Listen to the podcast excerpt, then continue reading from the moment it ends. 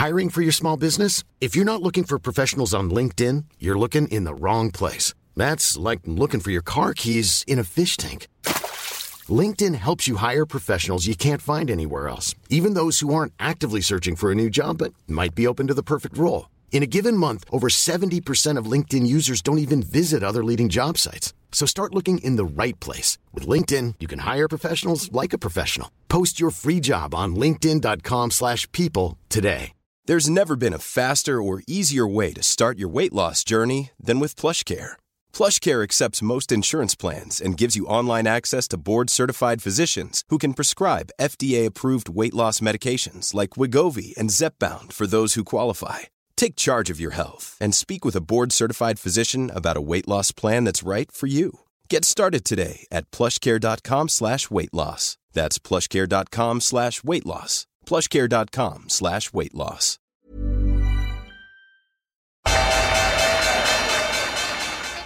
They mistook leverage for genius. Leverage for genius.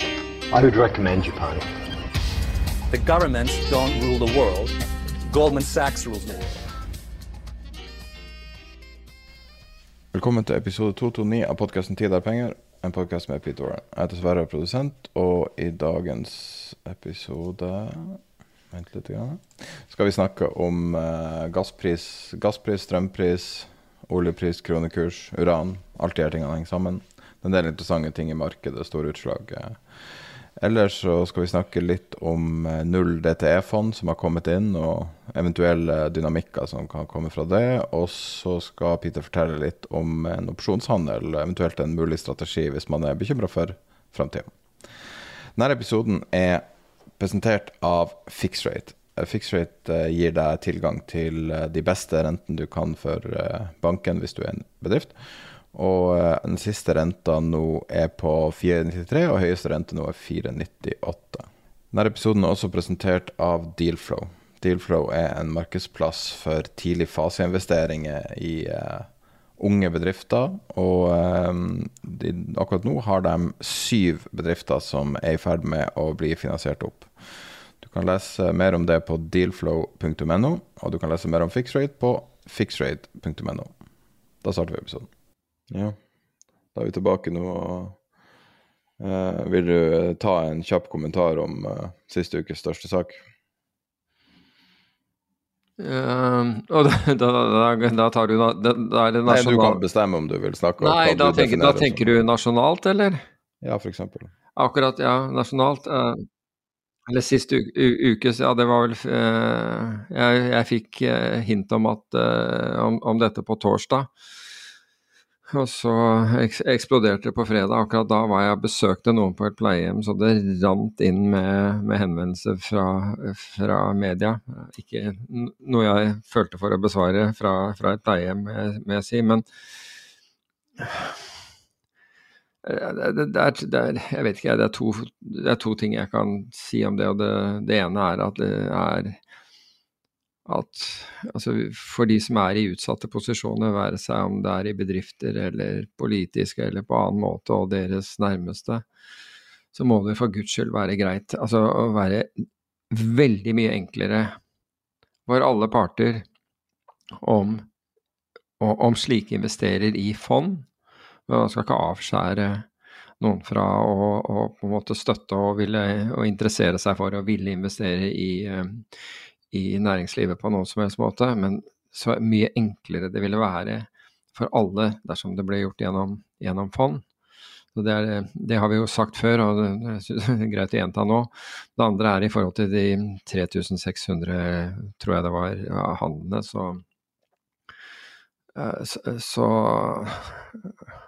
er vel altså, litt over gjennomsnittlig stimulibehov, vil jeg tro er utgangspunktet for, for noe sånt noe, uten at, uh, uten at jeg, uh, at jeg uh, kjenner finnes på, på noen som helst måte. Men jeg, jeg, tror at jeg tror egentlig at alle er enige om at fondsløsninger er, er, er best for slikt og for, og slike. Utover det så Men jeg har ikke gått inn i detaljene på dette her, men det altså For det første har jeg ikke tilgang eller, eller, eller adgang til å Og for det tredje så er det vel mer i prinsippet enn noe annet, men ja, så får man bare se hva som, hva som kommer ut av det. Men dette blir jo studert med, med lykt og, og lupe.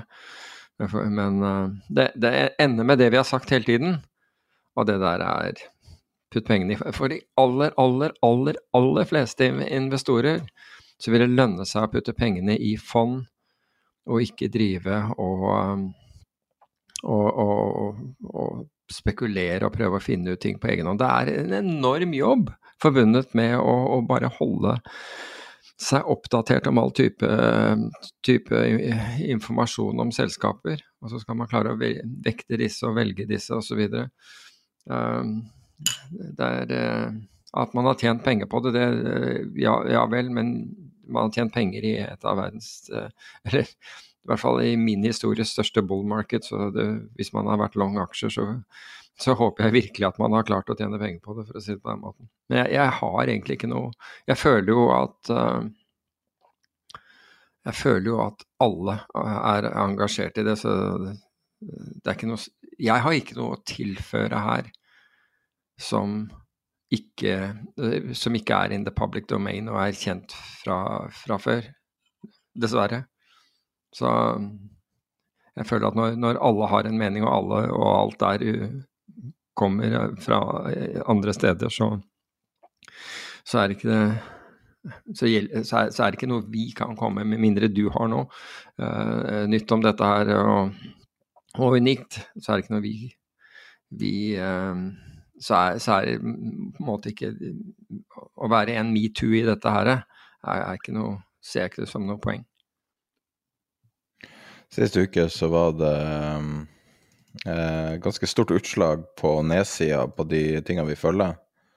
Eh, spesielt ille var det jo med Altså ille, positivt. 30 eh, fall på strømfutures. Og og samtidig hadde vi nå, nå, har jeg lest det her fra Goldman, men jeg har ikke lest det fra Norge, at det var store nedstenginger i eh, Eller uplanlagte nedstenginger i norske gassfelt.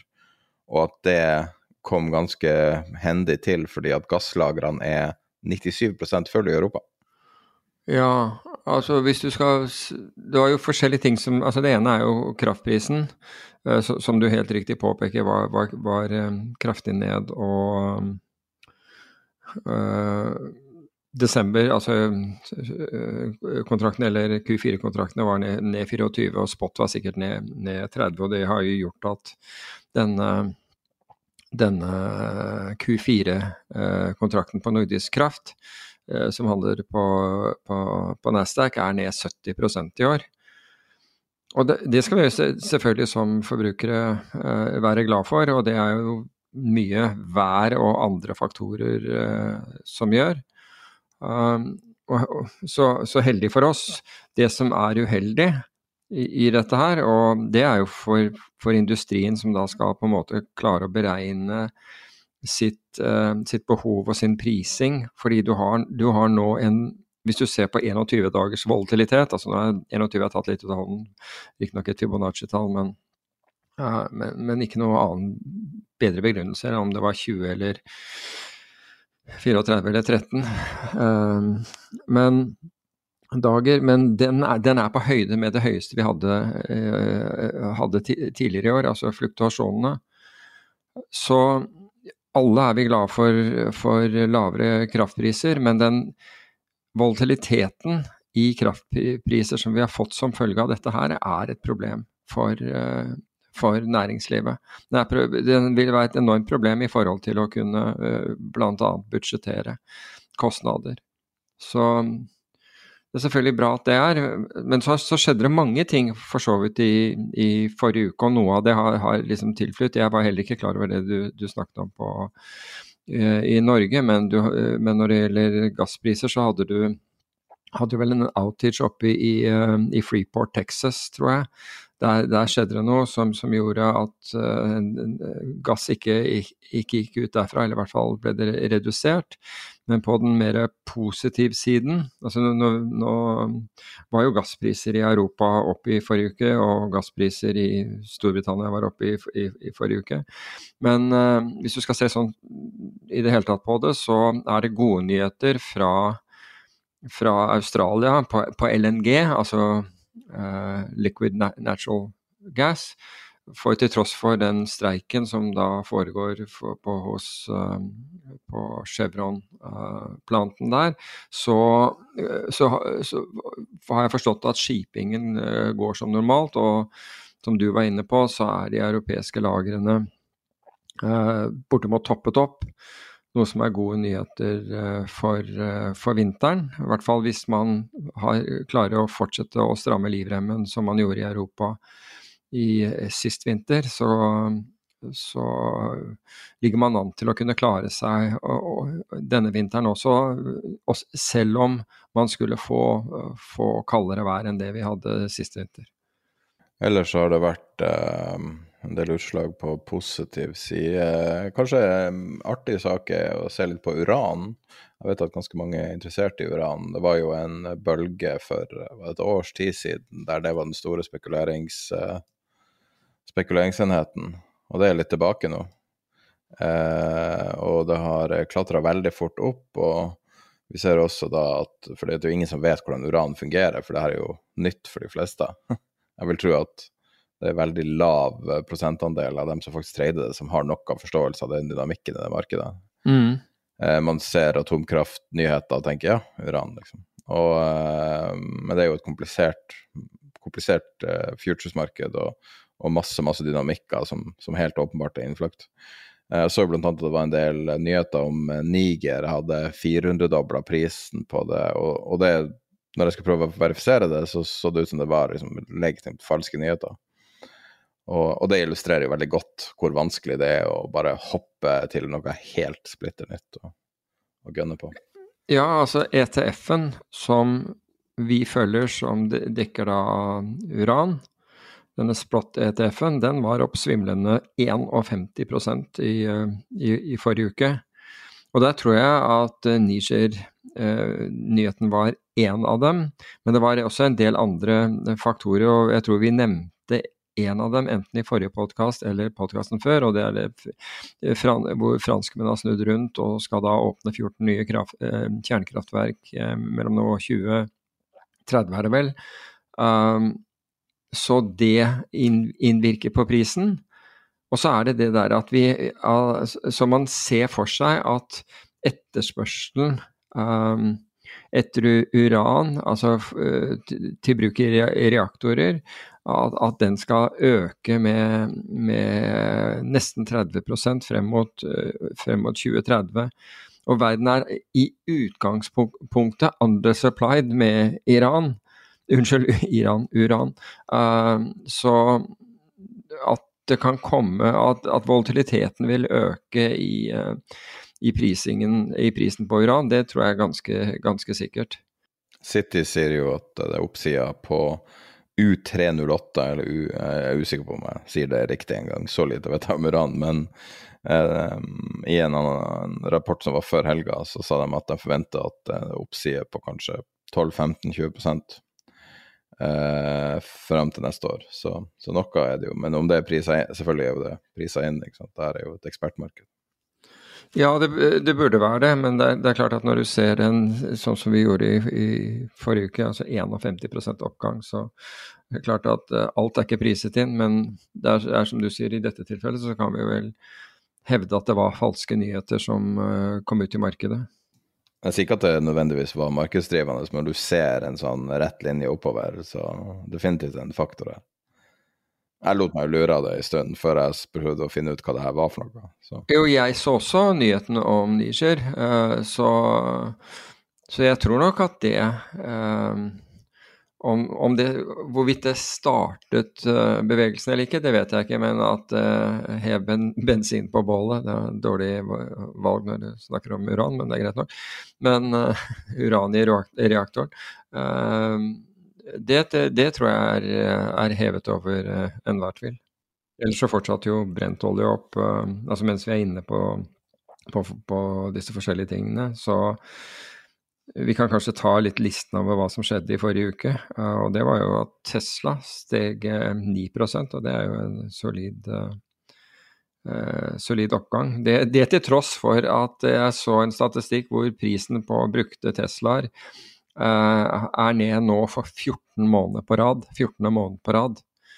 Men uh, det var ikke det som sto bak Eller det var tydeligvis ikke det som sto bak det, det bykset oppover. Men du har noen nyheter om det, eller du har noen kunnskap om det? Ja, det var jo den Adam Jonas-notatet fra Morgan Stanley som snakker om at de har bygd et uh, datasenter for kunstig intelligens, og det hever på et eller annet vis verdien av selskapet med 5000 milliarder kroner. Så um, det, det steg jo nesten 10 på en dag eller sånt. Så trolig årsak bak den oppturen. Ja, det, det hender at uh, analytikere har, eller enkelte analytikere har uh, veldig, veldig stor troverdighet. Uh, helt inntil de ikke har det. og Nå skal jeg ikke si at uh, det, det, kommer til å skje i dette tilfellet, men jeg husker så mange under, uh, under .com, disse Du husker de, de, kjente navnene under .com, ikke sant, som da fullstendig reputational destruction etterpå. Så Jeg kjenner jo en av dem. Nå husker jeg jo Jeg kjenner ikke godt nok til å huske navnet. Han Business Insider-redaktøren. Hva heter han? Oh, ja, uh, Kjente han litt før. Han, uh, ja, det var jo to. Det var Meredith Whitney og, og, han. Og nå, nå står det stille for meg også. Det er Henry Blodgett. Takk. Jeg brukte bare å snakke litt med han før. Men uh, han, han, ble jo utestengt fra, fra businessen. Og han ja. var jo en sånn skikkelig sånn Han skrev mange sånne der type analyser om diverse firmaer, og uh, starta Business Insider da, mm. i stedet. Og lykkes med det.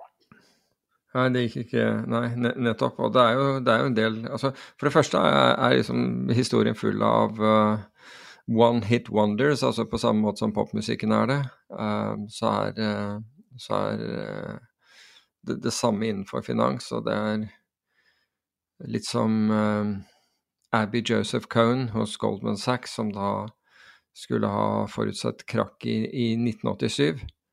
Um, og jeg tror at jeg tror hun forutså totalt, hva var det, tolv av ett krakk, eller noe sånt noe. Uh, hun uh, Men var, ble liksom kjempekjent i en periode. Det er klart at det tar helt av, og investeringsbanker og alle øker, altså øker jo eksponeringen på den analytikeren akkurat når det gjelder, fordi man har interesse i å, å fange opp så mange som mulig. Sånn er det bare. Men det er litt sånn Damokles sverd å, å, ha en innertier, altså det er i hvert fall helt sikkert. Så, og det verste er at du vet, ikke, du vet ikke hvilken analytiker som skal ha det på forhånd, det er, det er det som er problemet. Så når en eller annen analytiker, altså etter en event, så var det analytikeren som, som forutså denne, så hadde du, på en måte ingen forutsetninger for å plukke ut den analytikeren på forhånd. Av og til så er det analytikere som er gjennomgående flinke og over tid, men det er ekstremt med sånn derre uh, one day wonders, altså innenfor, uh, innenfor finans. Men det er, det, det er samme innenfor popmusikken også. Det er nesten Altså, du, jeg, jeg har jo dokumentert uh, at du advarte båten både mot .com og 1987 On The Record på NRK. Eh, jeg satt og bladde gjennom et NRK-arkiv og, og, fant uh, begge to. Så der har du jo uh, Det er ganske sjelden å ha klart å, å spådd to tydelig, men uh, det er ikke så veldig mange som har, som har en god track record på sånne ting. Nei, altså finanskrisen Uten at jeg visste at det skulle bli en krise, det hadde jeg ikke noe peiling, men, men, jeg, men jeg, så hva som foregikk der og mente at det der var helt Altså, det gapet Vi har snakket om dette noen ganger. Gapet mellom utviklingen i kredittobligasjonsmarkedet og, og aksjemarkedet ga ingen mening, altså hvor, den ene trynet og den andre fortsatte. Og Det var jo ofte obligasjoner på samme selskap som det var aksjer, og det ga ingen mening i det som skjedde. Men jeg må si at jeg følte meg som en totalt failure.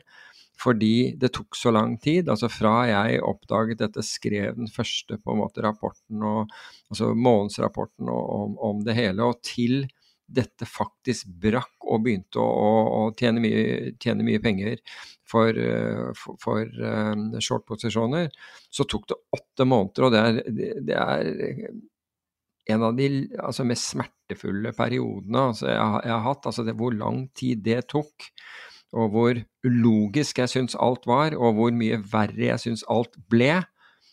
Og så var det, reagerte ikke markedene i det hele tatt.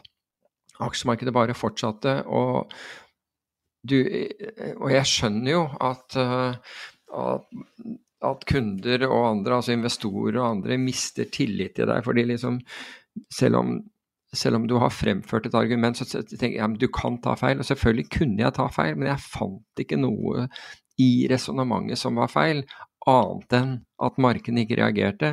Og at the end of the day så er det jo markedet du blir bedømt ut ifra. Så jeg kan forstå investorer som blir nervøse eller blir oppgitt og blir sure osv. Um, men uh, men det, det er så Å være tidlig er det samme som å ha feil? Ja, ja. Er, å være tidlig er, er, er, kanskje mer smertefullt enn, enn å være for sen. Jeg, jeg, opplevde det i hvert fall sånn. Jeg, jeg syns det der var en ekstremt vanskelig, vanskelig tid. Men, men. Det, hva var det vi sa? Howard Marks i Oaktree hadde i hele sin karriere hatt fem calls. Mm. Og de hadde han er ute med en ny en.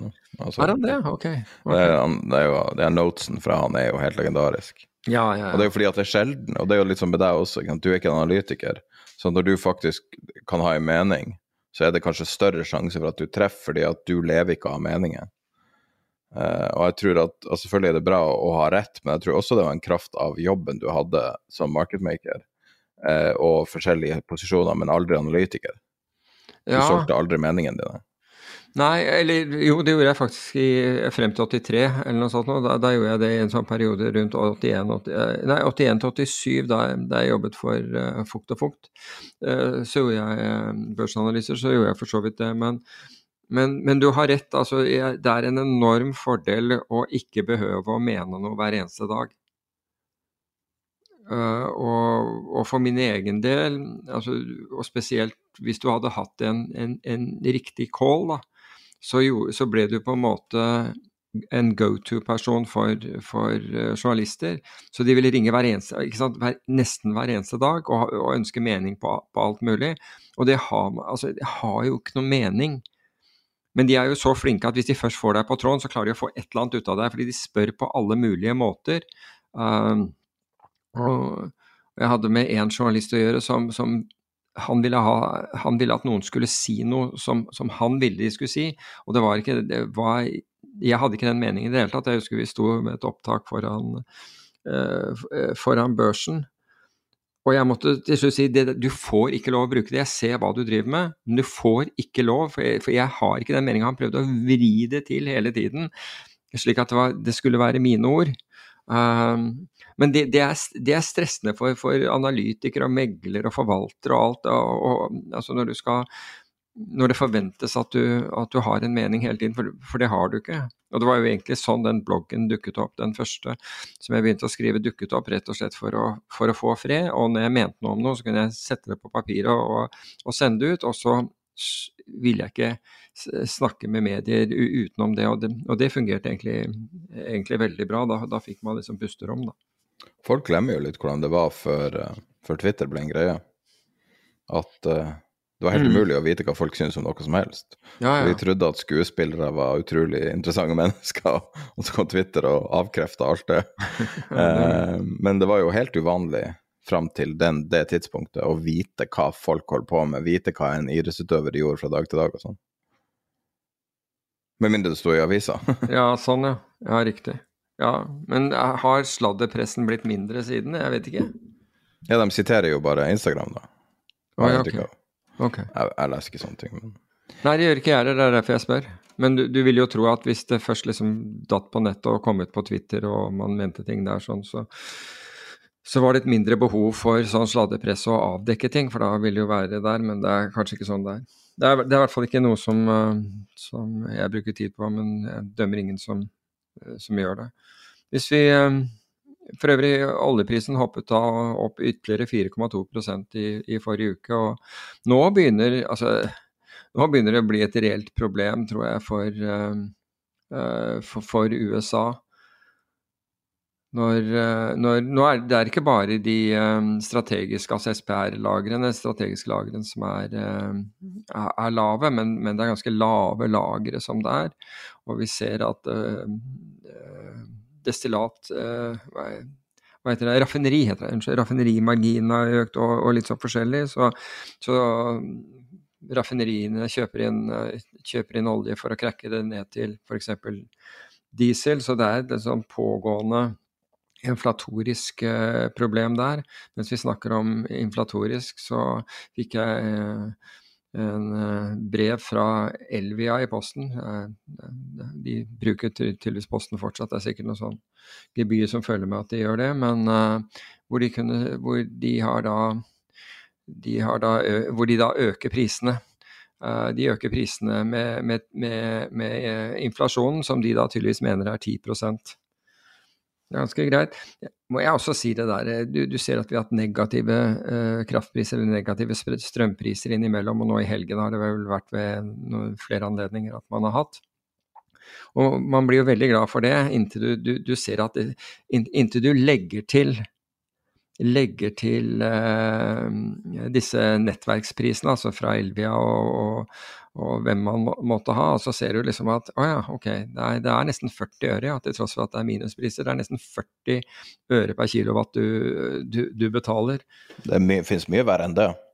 Så jeg har sett på en, uh, bare en sak som uh, Jeg fikk det verifisert, men ikke helt 100% så jeg skal ikke Men sånn helt sånn omtrentlig, da så er det en ganske betydelig andel av dem som bor i, uh, i uh, bofellesskap og sam sameie på et eller annet vis der du har en felles garasje, som betaler veldig mye mer for å lade bilen.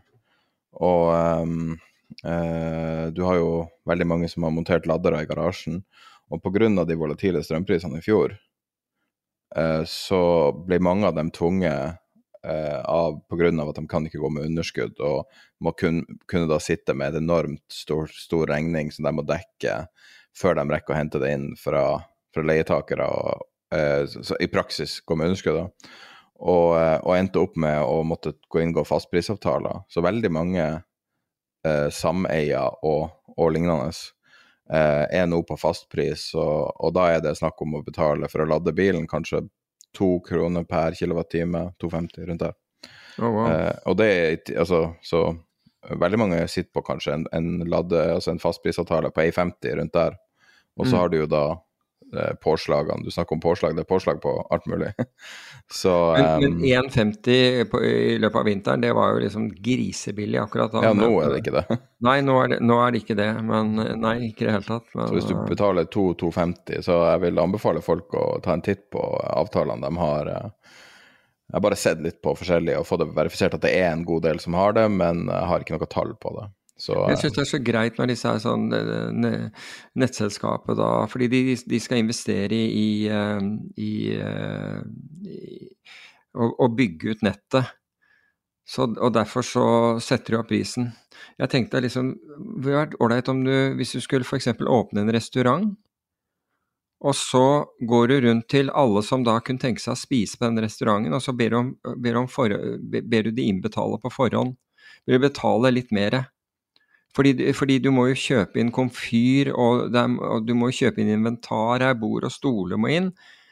Du får liksom ikke gjort det på den der måten i, i de fleste næringer. Men akkurat her sånn, så, kan, så, så belastes du på forhånd med, med, at det er ikke en investering de gjør, som de da skal kunne få tilbake over tid. Nei, de skal ha pengene up front, de. Det var ganske greit å starte en bedrift sånn, hvor du rett og slett sørger for Tenker du på nettleie da, spesifikt? Ja, nå tenker jeg på nettleien, ja. Hvor, hvor de er, det skal... det, er, det det det representerer? Den, eh, den 10 eh, er, eh, er på nettleien, ja. Ja, altså, det er for, altså Nettleien er for å på en måte investere i vedlikehold og Ja, ja.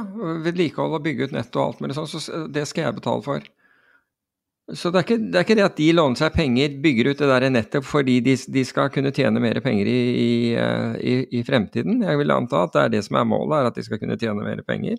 Men vi skal, betale, vi skal da betale kostnadene ved at de bygger ut. Det er ganske fint. Jeg trodde det var på en måte en slags uh, uh, enhetskost på å sette opp strømnettet, altså hva det har kosta før. At du basically leaser strømnettet effektivt sett. Ja, altså det strøm, strømnettet altså Til å begynne med så var jo dette her altså Der hvor du virkelig trenger det, over Sognefjorden Nå tror jeg nordlendingene er uenig i det, og for så vidt mange på, på Vestlandet også, som da eventuelt bor på nordsiden av, av Sognefjorden. Der kunne, altså, de kablene der, de er, det, det er ingen hast med, av en eller annen grunn.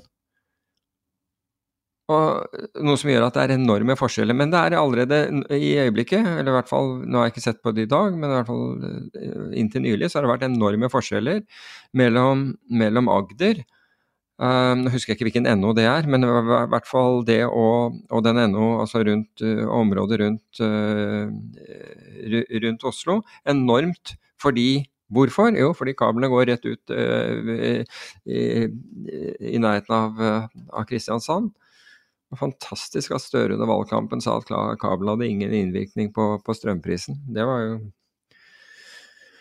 Det var lurt å si. Men um, tilbake til det der altså Hvis du sitter da med en eller annen bedrift, eller tenker deg å starte en bedrift, og så går du og sørger for at folk betaler alt på forskudd, det er kjempefint. Eller du kommer inn, eh, du har restaurant, og så bestiller folk, eh, bestiller folk, kjøtt, og så kommer du inn med, med rått kjøtt til dem. De har bestilt det. Ja, men, du, men, da må du betale mer fordi jeg er nødt til å kjøpe en stekeovn. Really? Det er noe som ikke henger helt på greip her, altså. Det der å skille, å skille nettleien fra, fra strømprisen, det, det, var genialt for å få folk til å betale mer, altså. Det er ikke, det er ikke noe tvil om. Kan jeg touche innom en ting, uh, helt annen ting, som eh, eh, jeg tror kanskje folk ikke har tenkt så mye på. den siste støtten fra covid i USA er i ferd med å løpe ut nå. Og det er pausen på studielån. så nå skal amerikanerne i 1. oktober begynne å betale ned på studielånene. Det har de ikke gjort på nesten tre år. Og en typisk studielånbetaling i USA kan være 200-300 dollar. Jeg ser det også 500 dollar, mulig at det er et snitt, men to, la oss si 200-300 dollar. Eh, Belastninga altså på eh, altså excess likviditet man drar ut, kan mm. være snakk om 100 milliarder dollar. Oh, wow. I et marked der sparepengene fra covid er mer eller mindre brukt opp, det finnes så mange sånne oversikter, sånn at folk uh, i, i, større og større grad går over på kreditt, altså begynner å tømme eh, kredittkortene for, for ledig kreditt. Mm. Og så kommer det her nå på toppen med inflasjon. Og så på toppen av det så har vi jo nå sett bitte små tegn til at kanskje inflasjonen kan reverseres, basert på det vi snakka om for uh, en måned eller noe sånt siden, som var at kanskje en av grunnene til at inflasjonen snudde så fort, var tømminga av de strategiske oljelagrene som hadde pressa ned bensinprisen. For denne uh, siste eh, inflasjonstall så var jo nå eh, energipriser pressa opp inflasjonen. Mm. Spesifikt bensinpriser. Sånn at de to faktorene der er litt sånn skummel eh, Det er skummelt inn i en mørk høst.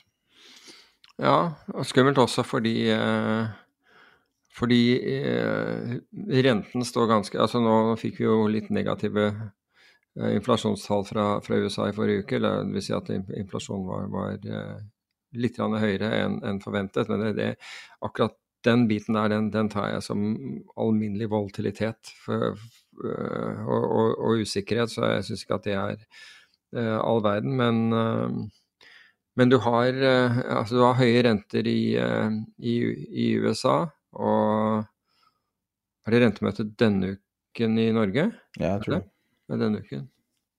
Jeg ser at, Apropos det, så, så ser jeg at det står at de økonomene er sikre på at uh, Norges Bank hever, hever, renten nok en gang. Akkurat i dette tilfellet har jeg følt at jeg har vært ganske in tune med det Norges Bank har gjort frem til nå. Men akkurat nå, altså med, med de prisøkningene og, og belastningene og, og effekten av, av høyere priser som du ser i Norge, så hadde ikke jeg syntes at det var unaturlig at Norges Bank ventet og, og hentet inn litt mer data. Um, og, og, ikke satt opp ved, ved, det, ved dette tilfellet. Så Jeg ser litt på kalenderen for uka som er. Det er mye som skjer denne uka. Det er mm. veldig mye som skjer denne uka. Så du har uh, I morgen er det mm, eurosonen inflasjonstall. Uh, og du har også Canada inflasjonstall. På onsdag har du britisk inflasjon og PPI og diverse masse, masse, masse, masse makro. Uh, og så har du uh, FOMC-møte på onsdag, altså amerikanske sentralbanken. Um, rentemøte i Sveits. Um, rentemøte i Storbritannia, på, begge på torsdag.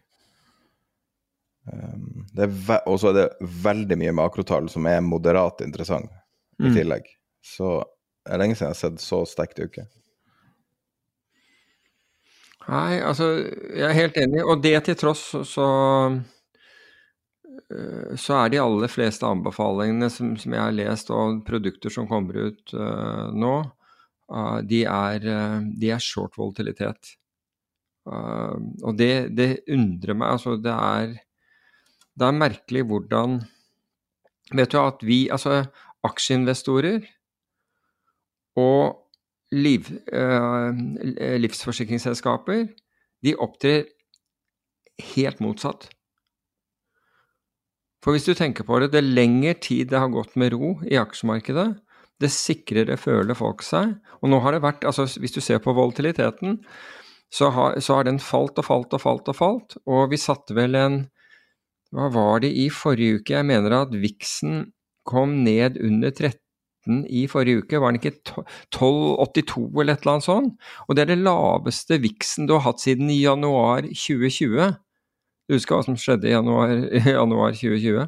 Men det er den laveste viksen du har hatt der. Ikke bare det, men high yield-spredden, også i USA High yield-spredden er da den meravkastningen som investorene forlanger over statsobligasjonsrenten, over den sikre renten, for å låne penger til bedrifter med, med lav eh, kredittkvalitet, den var kommet inn til, eh, til 3,78% som er det laveste på nesten halvannet år. Så, så det rare er altså Så det lenger ting går, det tryggere føler vi oss. Men tenk deg et livsforsikringsselskap Altså det Én ting er at du tegner eh, livsforsikringen din når, når, du er 20 eh, år gammel eller et eller annet sånt, men kommer du og skal tegne livsforsikring når du er 80, hva gjør de? Det er ikke sånn at de sier at jøss, han har klart seg helt til 80, da, da kommer han til da, han, kommer he, han kommer sikkert til å bli 180 år gammel. De gjør ikke det, nei tvert imot, de tar høyde for at det er økt risiko. Så det er helt det diametralt motsatte man gjør i aksjemarkedet. Det, det lengre perioder med, med stillstand, det mer tror vi at, at uh, dette, dette, skal vare. Og hvis du ser på hvis du ser på hvordan verden er i dag, altså aksjemarkeder og osv. Altså hvis du ser på verdsettelsene altså Frem til, altså til ut august da, så var var vel SMP 500 opp 14% altså de, de siste tolv månedene. Og 12,4% av det er risikovillighet. Økt risikovillighet har ingenting med bedriftenes inntjening å gjøre. Det, in, det utgjør, det utgjør ca. 10% av stigningen. Det, det øvrige er økt risikovillighet i en periode med krig, med stigende rente, med, med eh, polarisert handel, altså økende grad polarisert handel, eh, med mer kostbar frakt, bl.a. pga.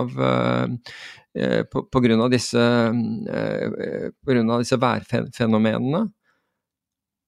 Og vi er villige da til å betale mer for bortimot samme inntreningen. Altså, det er jo helt merkelig. Eller vi er vesentlig mer for den samme inntjeningen.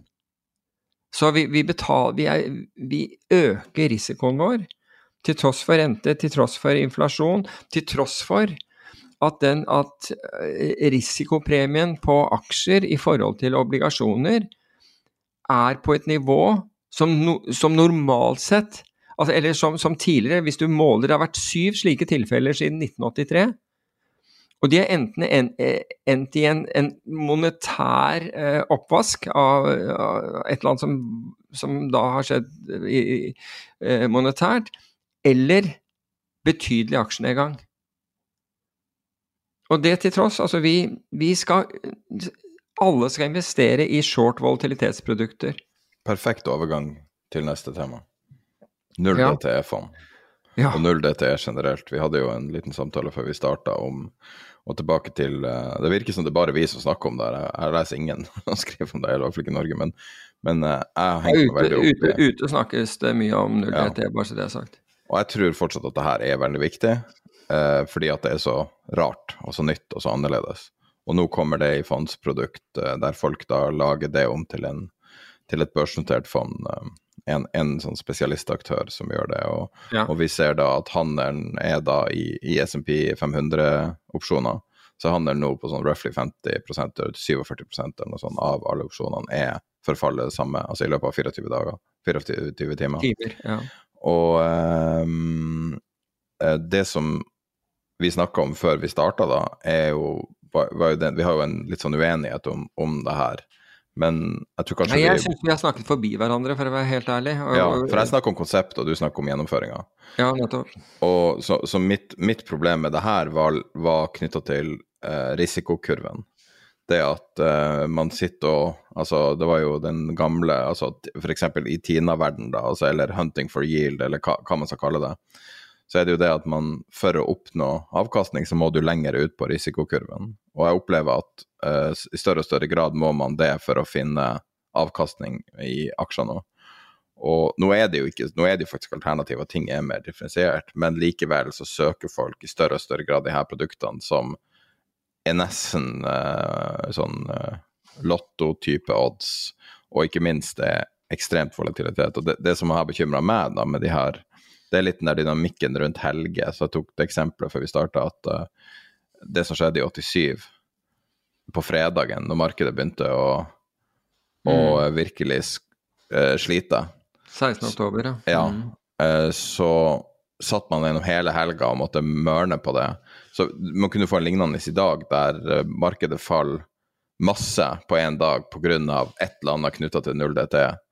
Og så sitter man hele helga, og så får folk margin calls og alt mulig og så kommer man til mandagen, og så er helvete løs, og så har vi en Lehmann-mandag eller et eller annet. Altså, jeg sier bare at eh, noe rart kan skje fordi at muligheten for ekstremvolatilitet intradag er så stor, og spesielt inn i closen på fredager.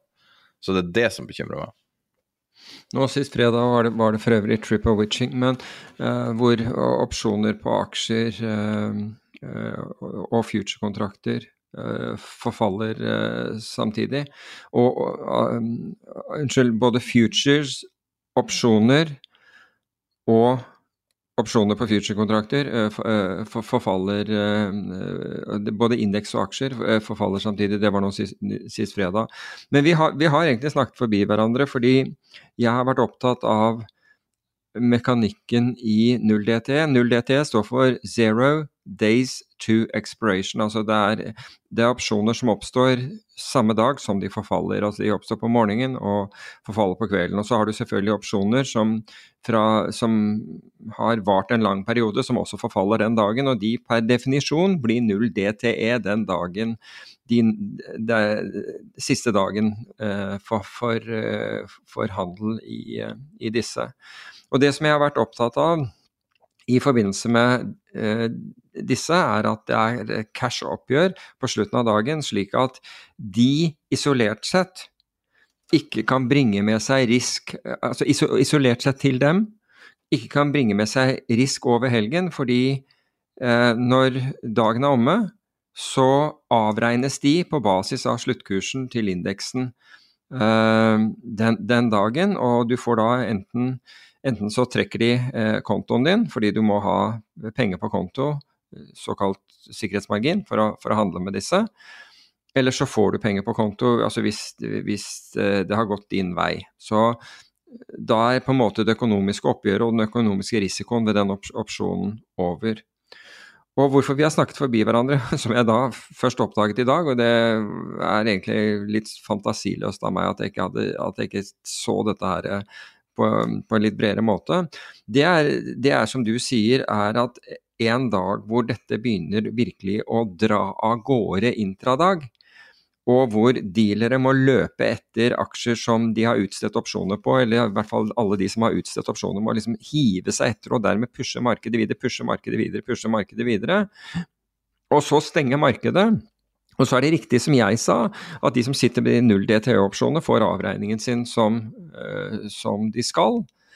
Men det at man har flyttet markedet såpass mye gjennom den dagen, vil da sannsynligvis gjøre at mange får margin calls på aksjer, som, som da ikke er tilknyttet disse null DTE-opsjonene, men som er rett og slett i markedet. Fordi markedet er blitt pushet. Pusher du indeksen, så implisitt så, så, så pusher du på en måte selve aksjemarkedet også. Og der er du ikke vernet mot at det er cash-oppgjør eh, når null DTE-opsjonene eh, forfaller. Fordi du har ikke, du, Hvis du sitter på disse aksjene og har belånte posisjoner, og future-posisjoner for den saks skyld, så er ikke det over den dagen. Det blir riktignok avregnet i Du får en avregning, men det, ikke den, det er ikke den endelige avregningen. Fordi de, de kontraktene og de aksjene eh, fortsetter jo å leve uh, på, på, mandagen. Så, så der, har du, der, har du, helt rett at du kan få en, en situasjon som uh, hvor null DTE-opsjonene uh, skaper bevegelsen og hvor effektene uh, er mye større og mye lenger enn null DT-opsjonenes levetid. Og det er fullt mulig å få. Og i en periode som vi er inne på her, hvor investorene søker mer og mer risiko, er villig til å ta høyere og høyere risiko. Og, og eksempelet var jo hvis du hvis, uh, du verdsetter Hvis en aksje har akkurat den samme inntjeningen som den hadde i fjor, men du er villig til å verdsette den aksjen mye høyere, så, er, så har du økt din risikovilje, rett og slett. Det er risikopremie du har da lagt til den aksjen, som du har vært villig til å betale mer for akkurat det samme som de leverte et, et år før, til, til mye billigere pris, men du er villig til å betale mer. Og der kan du få absolutt en, en, en, en, potensiell snøballeffekt. Og jeg blir virkelig ikke beroliget når jeg ser at et haug av produkter har kommet til, eh, på, på, markedet i den senere tiden som alle er short volatilitet. Og du dro parallellen med XIV, og jeg husker ikke hvor mange år siden det er eh, XIV blew up, men det begynner å bli en del år siden. Eh, som skjedde mellom januar og februar, eller overgangen januar-februar et år. men Eh, hvor, eh, hvor, dette produktet, for øvrig laget av Kreditt Suisse, um, og som så, altså, hvis du så på kursutviklingen, så hadde den bortimot null eh, volatilitet, men gikk i 45 grader oppover. Den var short volatilitet, så hver dag så, så tjente den penger, tjente den penger, tjente den penger. Inntil en dag så var den ned 70-80% bang, altså i løpet av, av noen minutter og hvor hele handelen stanset, og hvor, eh, hvor Credit Suisse la ned produktet. Så det var ikke snakk om at du kunne bli, bli sittende og håpe at dette skulle komme tilbake igjen. Tapet ditt ble, ble realisert. Og jeg får litt den følelsen eh, når jeg ser antallet produkter nå med en eller annen form for yield enhancing. Altså nå har du renter du bare kunne ha drømt om for bare to år siden. Altså nå, nå får du over 5% på amerikanske toåringen. Um, og slik at hvis du, hvis du, kjøper den, så har du 5% rente. Men, men det, det, folk gjør, er at de shorter opsjoner rundt dette her for å få en høyere avkastning både på obligasjoner og, og på aksjer.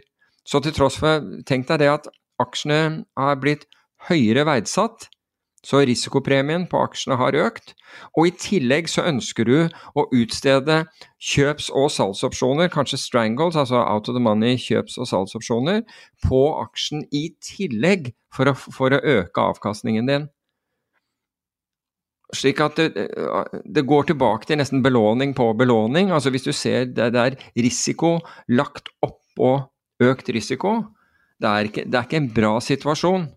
Men du er inne på noe interessant nå. Kan vi ta og spinne litt videre på det du sier? Eh, du snakker om opsjonsstrategier og hva du ville gjort nå. Kan jeg legge fram f.eks. la oss si to scenarioer, hva som kan skje? Så det er jo helt umulig å gjette, så det kan jo like gjerne være hva som helst. Men la oss si eh, på den ene side at eh, noe vi har sett tegn til, som er at inflasjonen begynner å stige med bensinpriser. Det er en litt sånn ordkrig mellom Saudi-Arabia og, eh, og, Biden, og foreløpig ser Saudi-Arabia ut som de vinner den. Uh, så hvis det følger, så vil man tro at uh, amerikansk headline-inflasjon vil komme nærmere kjerneinflasjonen, som er på 4-3 nå, så den vil være betydelig opp, som vil være selvfølgelig bli mottatt negativt. Um, noe sånn, hvis noe sånt skjer, eller hvis noe Altså det vil jo være en, en, en unknown known, eller known unknown, der vi vet hva det er, men vi, vi, vi, kan ikke si så Altså, vi vet hva vi ser etter, men vi vet ikke akkurat hva det er. Og så det andre vil være noe en unknown unknown, der det er noe uforutsett. Det kunne være f.eks. Um, kunne være um, de her studielånene som trigger et eller annet. Det kan være at vi får noe mega blow-ups i næringseiendom, eller et eller annet sånt. Hvordan ville du ha tilnærmet deg med opsjoner? Det, det, er to forskjellige scenarioer, så, øh, så, så, de blir ganske radikalt forskjellige. For hvis du sier at øh, inflasjonen plutselig nå snur oppover igjen, og gjør det dramatisk oppover, så betyr det høyere renter, lavere inntjening, lavere likviditet i, i markedet, som sannsynligvis be, betyr økte konkurser og høyst sannsynligvis kanskje, eh, kanskje, dramatisk, men i hvert fall vil jeg tro fall i aksjemarkeder. Det som er utfordringen, altså hvis du ser på Jeg vil tro at det, det første som begynner å bevege seg eh, kraftig, hvis du skulle få et sånt scenario som det, det er konkursforsikring, altså såkalte credit default swaps. Det som er utfordringen for de fleste investorene, og, og da bortsett fra de store institusjonelle investorene, altså selv mindre, mindre fond får ikke tak i, får ikke tegne ISTA-kontrakter med, med, med, banker lenger, eh, er nettopp at du trenger en ISTA-kontrakt for å kunne handle, og det er eh, handle eh, CDS. Og en ISTA-kontrakt det er da en, en, en kontrakt mellom deg og en investeringsbank. Uh, og denne ISTA-kontrakten den forteller om, om, hvilke sikkerhetskrav som du blir stilt overfor osv., og, så videre, og, og også for så vidt bankens, investeringsbankens forpliktelser uh, vis-à-vis deg. Det er et omfattende uh, dokument. Og ikke bare det, at skal du være, kunne være trygg uh, i, i, forhold til dette, fordi du vet jo ikke Det kunne i verste fall tenkes at din investeringsbank, altså den du har den mot, får problemer, likt det vi så un under finanskrisen. Det at vi kan ha en ISTA-kontrakt f.eks. med Lehman Brothers når de gikk nedenom og hjem. Hvis du hadde posisjoner som var verdt veldig mye med, med dem, så, så, så, fikk du ikke oppgjør. Så du må ha med flere aktører, også for å få gode priser. Så det er nesten umulig for de fleste av lytterne, jeg vil tro 80% av lytterne, kanskje 90 ikke vil, vil, vil kunne Eh, kvalifisere eller orke å liksom gå gjennom en prosess for å få en, eh, en ISTA-kontrakt. Jeg tror ikke det er eh, altså ISTA-kontrakter tegnes mot de store investeringsbankene, ikke de, ikke de, norske. Jeg tror ikke de har Du får ISTA-er med, med, norske, så vidt jeg vet. Men så Og da er du igjen Da, da må du inn i det vanlige Det ordinære opsjonsmarkedet. Og der har du også problemer, for i Norge så er det jo slik at eh, mange av bankene, eh, og som er de som stiller priser i, i, i, opsjoner, de har ikke lyst til å ha eh, eh retail eh, Altså småsparer høres nesten sånn negativ, altså sånn derogatory ut, hva heter det for noe, diskriminerende ut. Men jeg mener ikke at det er det, men altså ikke-institusjonelle investorer kalles ofte småsparere.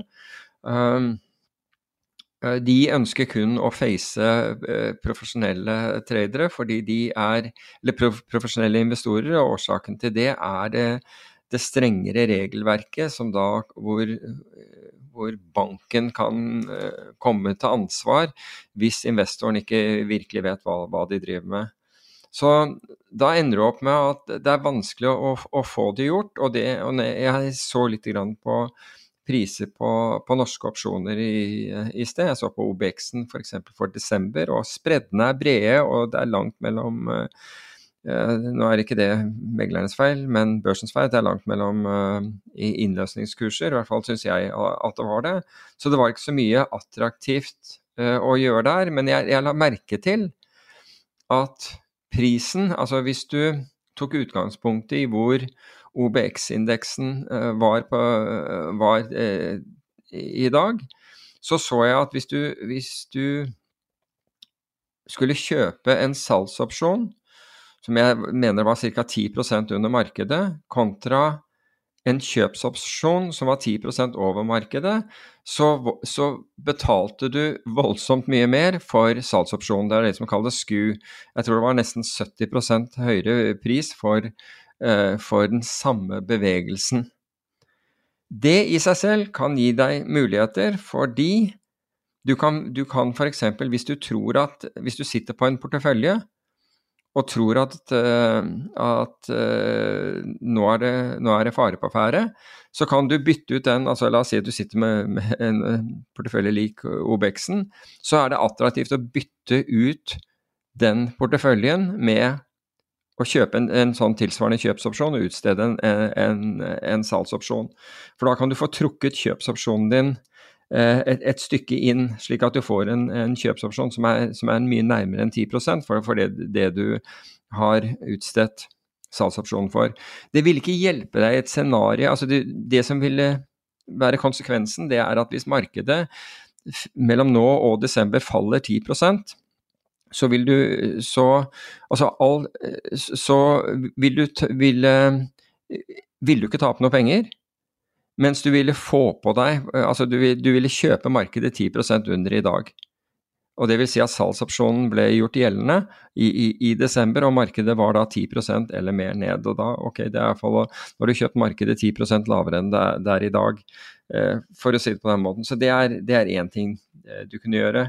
Så så jeg på det samme, og her vet jeg at det er veldig mange nordmenn som gjør dette. De, de, de har gått de har sett at norske meglere ikke, eh, ikke er noe særlig interessert i å handle opsjoner med dem, men det er ikke noe problem å få gjort det med amerikanske meglere eller utenlandske meglere.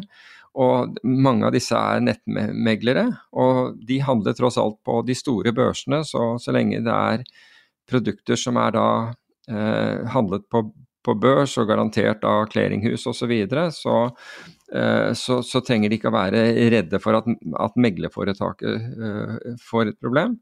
Men i hvert fall, der kan man gjøre, der kan man gjøre disse tingene f.eks. med, med SMP 500-opsjoner.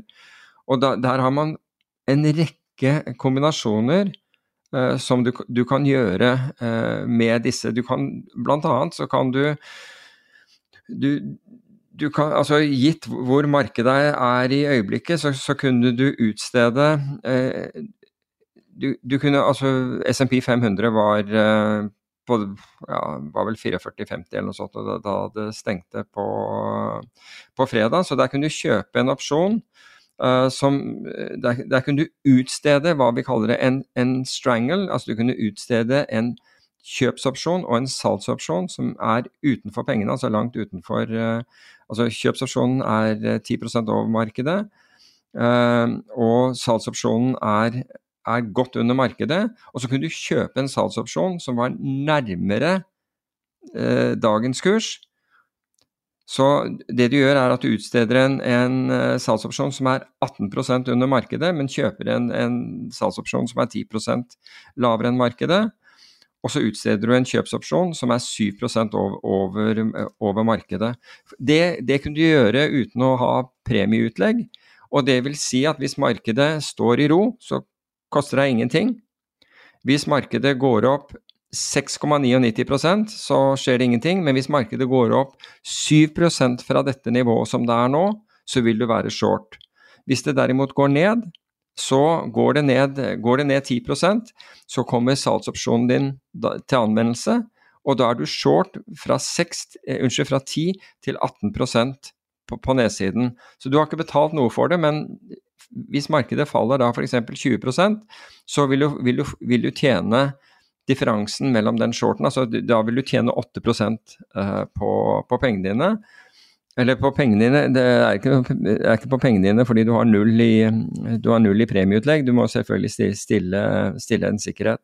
Men det er, altså hvis du tenker deg at markedet skulle falle noe sånn som 10% eller, eller mer for den saks skyld, altså det kan hva som helst, hvis du tror at markedet skal gå ned, så har du i hvert fall en, en, en gevinst til nedsiden hvis det skjer. Du har ikke en open-ended gevinst. Men, men, fordi du vil bli kuttet når den kommer til 18% da, altså det som skjer nedenfor der, det vil du ikke få noe glede av. Du kan også, altså gitt at, uh, gitt at uh, det er så billig å å kjøpe opsjoner, altså volatilitetsmessig for tiden, så er det så billig å kjøpe opsjoner. Så går det selvfølgelig an å bare kjøpe en, en put-opsjon også, og si at jeg kjøper en put-opsjon for, for, desember, eller kjøper den for oktober. Oktober er, er en fjerdedel av prisen av en og, og, tilsvarende uh, opsjon for, uh, for, for, desember. Hvordan vil du uh, sidestille indekser versus enkeltaksjer? Jeg tenker jo at naturlig å tro at ting som stiger fort, faller fort. Altså f.eks. Nvidia har jo gått som ei kule i hele år. Vil du se på muligheten for å eksponere deg for langt ut på risikokurven hvis du er bearish, eller er det for komplisert siden du ikke kan uh, vite? Nei, du kan si at uh, jeg har veldig sjelden gått og gjort ting i enkeltaksjer. Vi gjorde jo to ganger i, i, i Tesla for, for, mange år siden, som, som du husker. men men det er årsaken, eller årsaken, til det er at jeg er ikke noe ekspert på, på, på enkeltaksjer. Men det er klart at hvis noe var himla høyt priset, så kunne det godt hende at jeg brukte det. Altså at, eh, at jeg kunne kjøpe en, en salgsopsjon på det selskapet. Og f.eks. Eh, finansierte det med å utstede en salgsopsjon på, på et selskap jeg mente var, eh, var normalpriset, da, for å si det på den måten, og, og kjørte det, de relativt mot hverandre. Eller du kunne gjøre akkurat de samme strategiene som jeg, jeg, snakker om nå. altså Som regel så er det en ekstrem sku. Altså med andre ord, det lenger uh, det, en, en, salgsopsjon, det lenger uh, og det lavere den er i forhold til kursen i dag, det høyere volatilitet for, uh, er det på den opsjonen. Og det gjør at du får et sånn uforholdsmessig bilde. Så hvis du kjøper en som har litt lavere volatilitet, altså den er litt nærmere der vi er i dag, og utsteder en som er lenger unna, så den differansen du betaler mellom, mellom de to opsjonene, er lavere enn f.eks. det en Helt klart lavere enn hva en normalfordeling skulle tilsi. Men samtidig så vet vi at når markedene at når det er store bevegelser i markedet, så er ikke de lenger normalfordelt. Da, da har vi store bevegelser mye oftere enn det en normalfordeling statistisk tilsier at vi har. Jeg vet at dette blir veldig nerdete, men opsjoner er priset på basis av, av statistikk og fem, fem parametere. Øh, øh, går inn i en opsjonsprisingsmodell. Um, og det gjør at de som, de som handler i opsjoner, de som utsteder slike opsjoner, de vet at markedet for det første faller fortere enn de stiger. Og når, de, og, og når et fall virkelig tar av, så kan det bli veldig stort. Bl.a. fordi folk får margin calls osv., og, så og, og det skjer irrasjonelle ting. Og det gjør at opsjoner, det lengre unna prisen det er til nedsiden, altså salgsopsjoner La oss si at en, en salgsopsjon som er 10 lavere enn en dagens kurs, er forholdsvis, sier jeg forholdsvis for dette er i volatilitet, mye billigere enn en opsjon som, som, skal, som har en innløsningskurs 20% under dagens kurs. Premiebeløpet er høyere på den jo nærmere du kommer dagens kurs, men hvis du hadde beregnet den på, på de samme parameterne, så ville du sett at den opsjonen som der nede på, med, som er 20% lavere, at den, den, ville teoretisk sett vært mye lavere. Men det er fordi vi legger normalfordeling til grunn. Og så, du, så er det vel noen som da sier hvorfor i all verden legger du normalfordeling til grunn?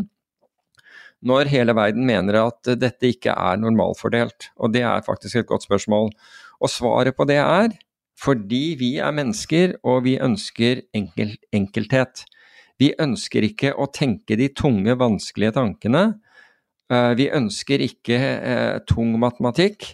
Vi ønsker å, å, bli forklart ting på en enkel måte. Og derfor så brukes normalfordeling som i, utgangspunkt, i utgangspunktet, og så justerer man eh, De profesjonelle aktørene justerer da for for store bevegelser i prisene.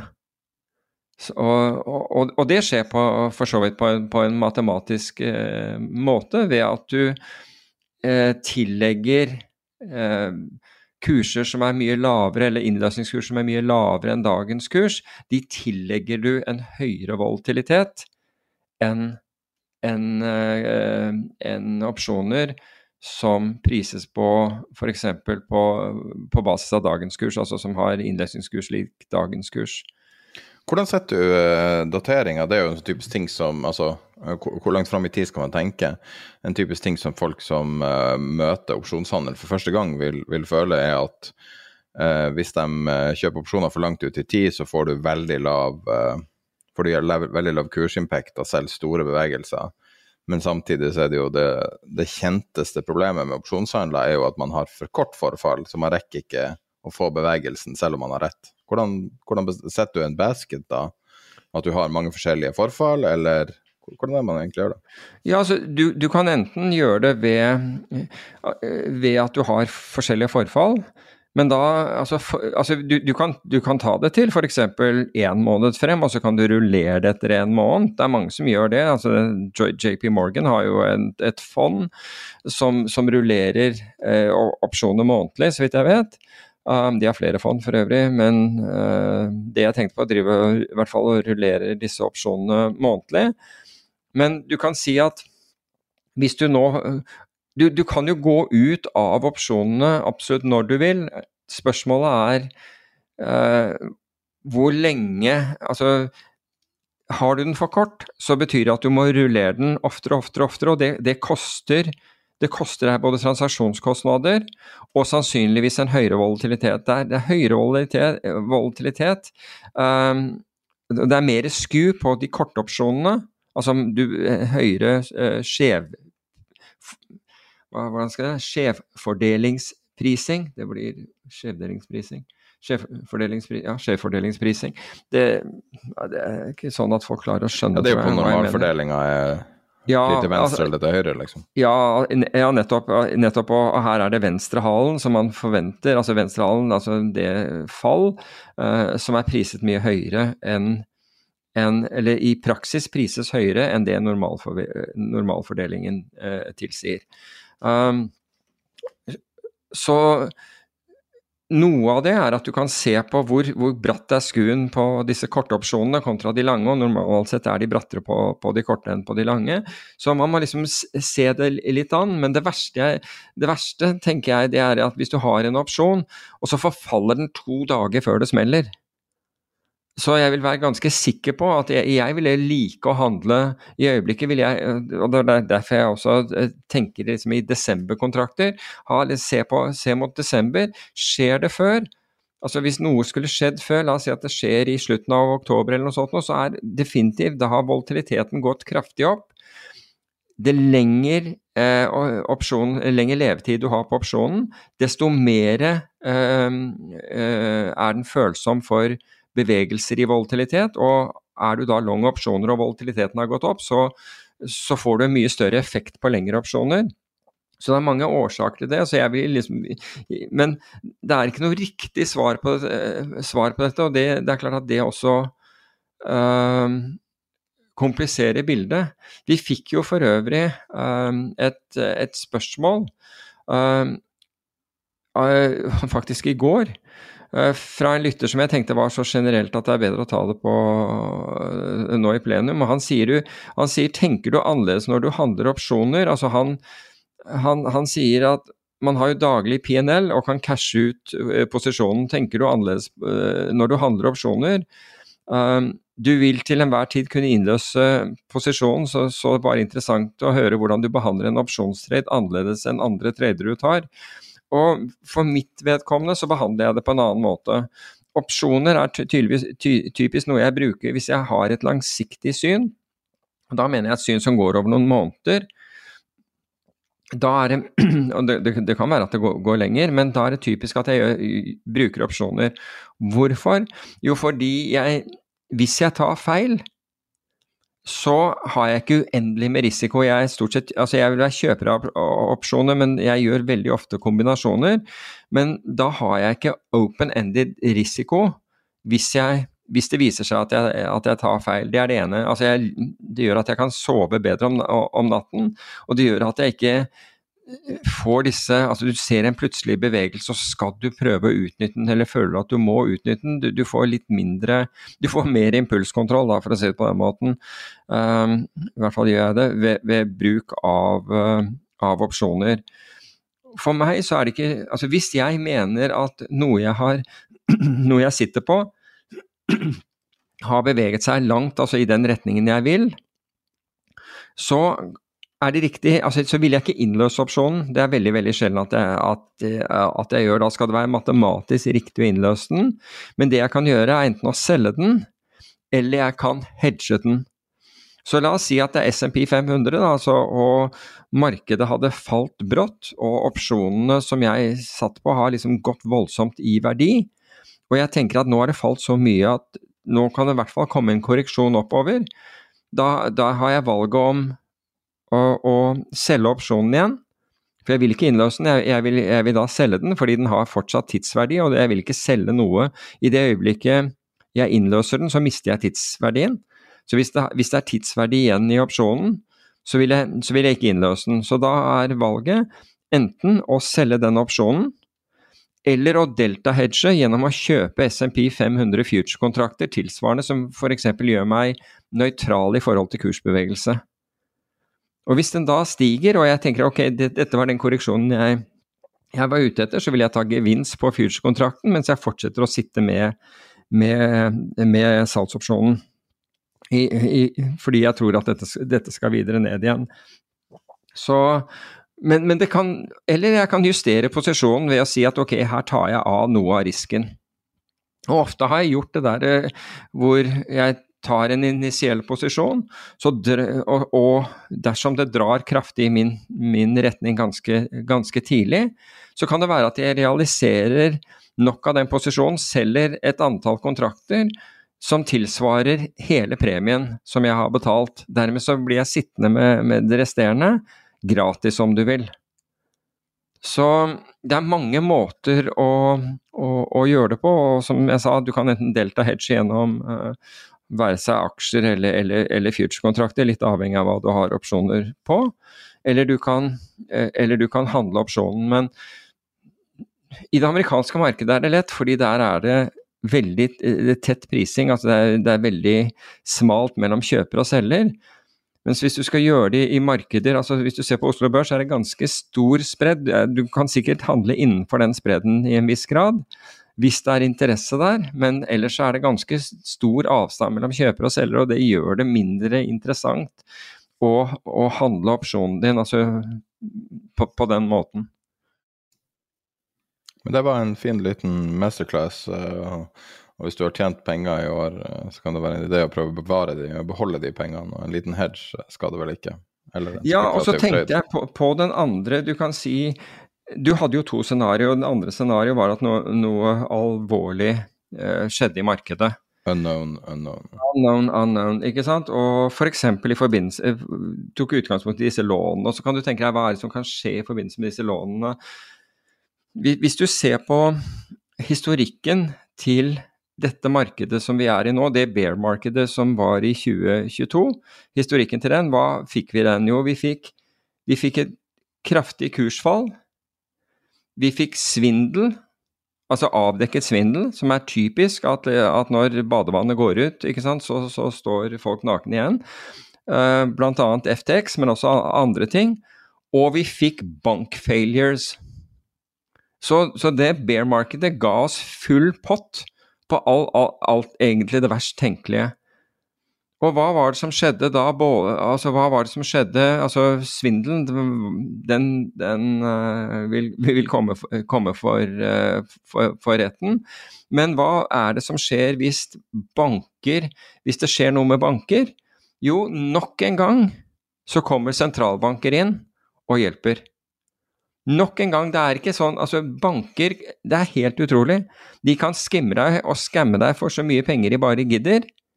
Men når de eh, gjør ting som er dumt og får vanskeligheter, så kommer vi løpende til dem med penger. Og det var akkurat det Federal Reserve gjorde, ved at de skjøv da De lot bankene få låne penger eh, i Federal Reserve mot å stille eh, obligasjoner som sikkerhet, men det var obligasjoner som var, kanskje var verdt 60 cent på dollaren, og de fikk låne 1 dollar.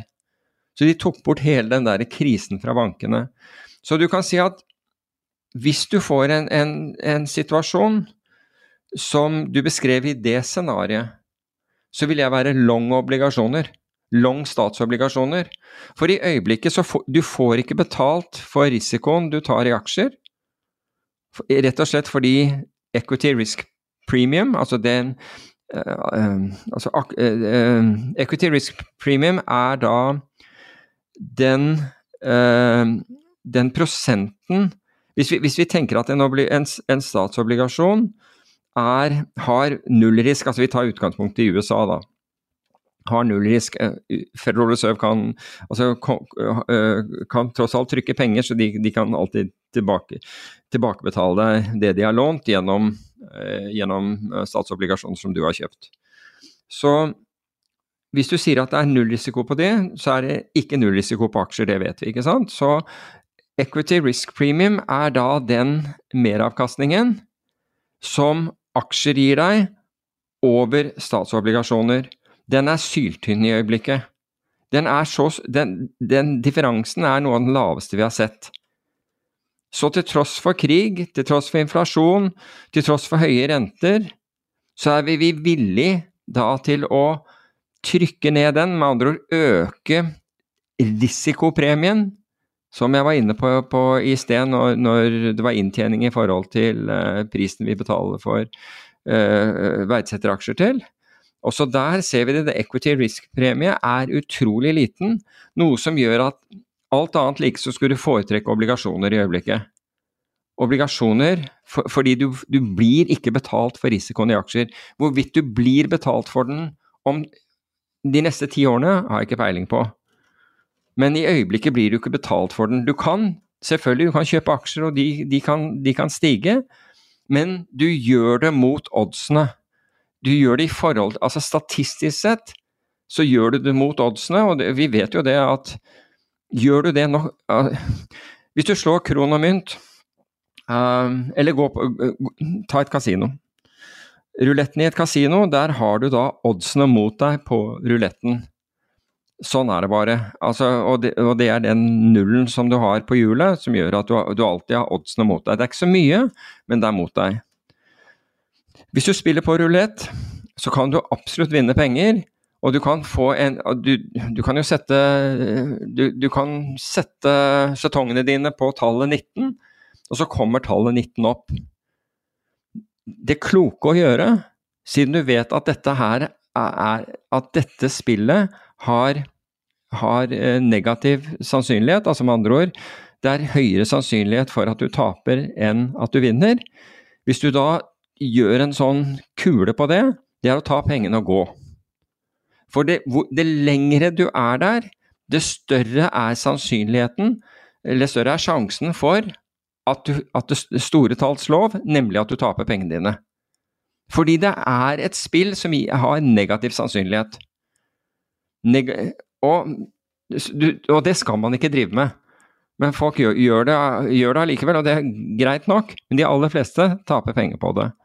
Så når du investerer i, det amerikanske aksjemarkedet på, på nåværende nivå, så kan det være at denne, denne gangen går det bra.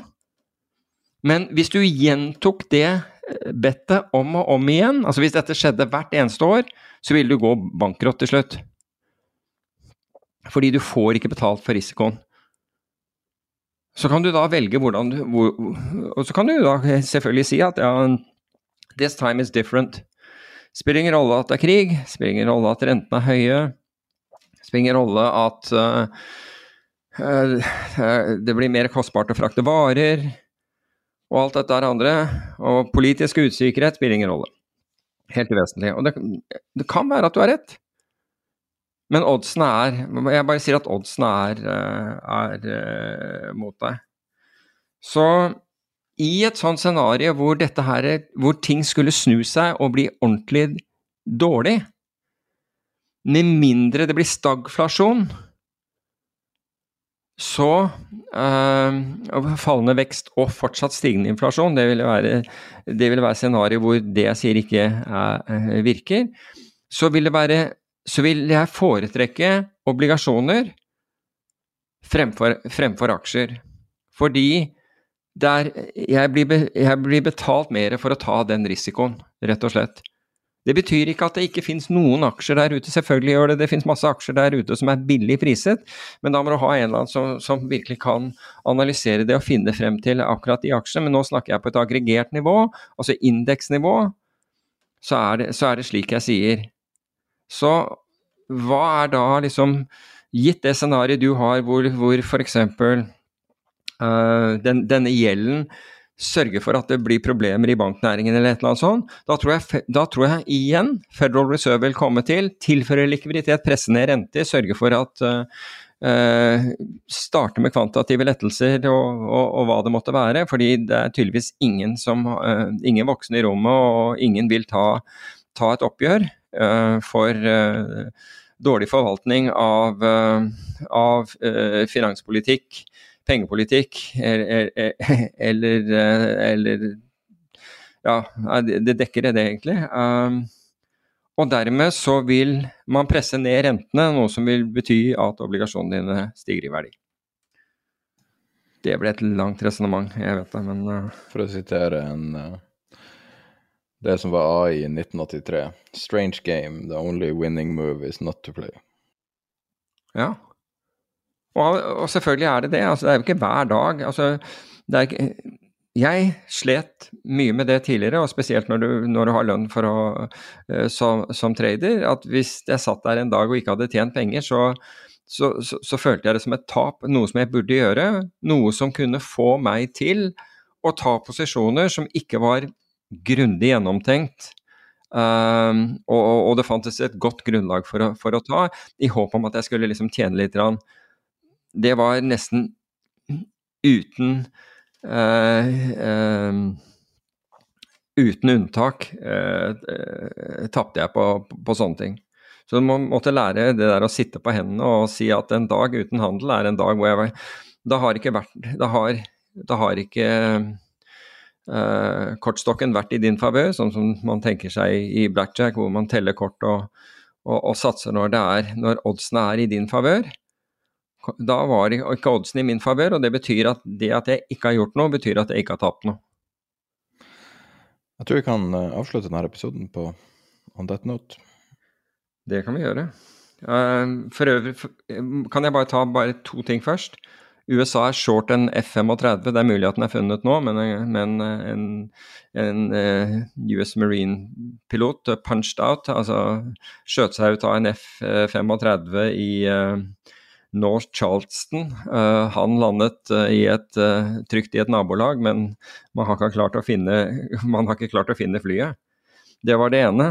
Og det andre var, apropos dette med, med at alt virker så lett i et, i, et, marked som har vært rolig. Goldman Sachs har sett på at hvis du hadde lånt igjen, altså med andre ord, du shorter japanske igjen, og kjøpt eh, eh, Bra, Brasil, uh, brasilske Rias Det heter Brazilian Det er ikke real, men ja, det, det, heter nesten real, men det er ikke det. Eh, colombianske og meksik, meksikanske peso i like store mengder, så vil du ha vært opp 42 hittil i år.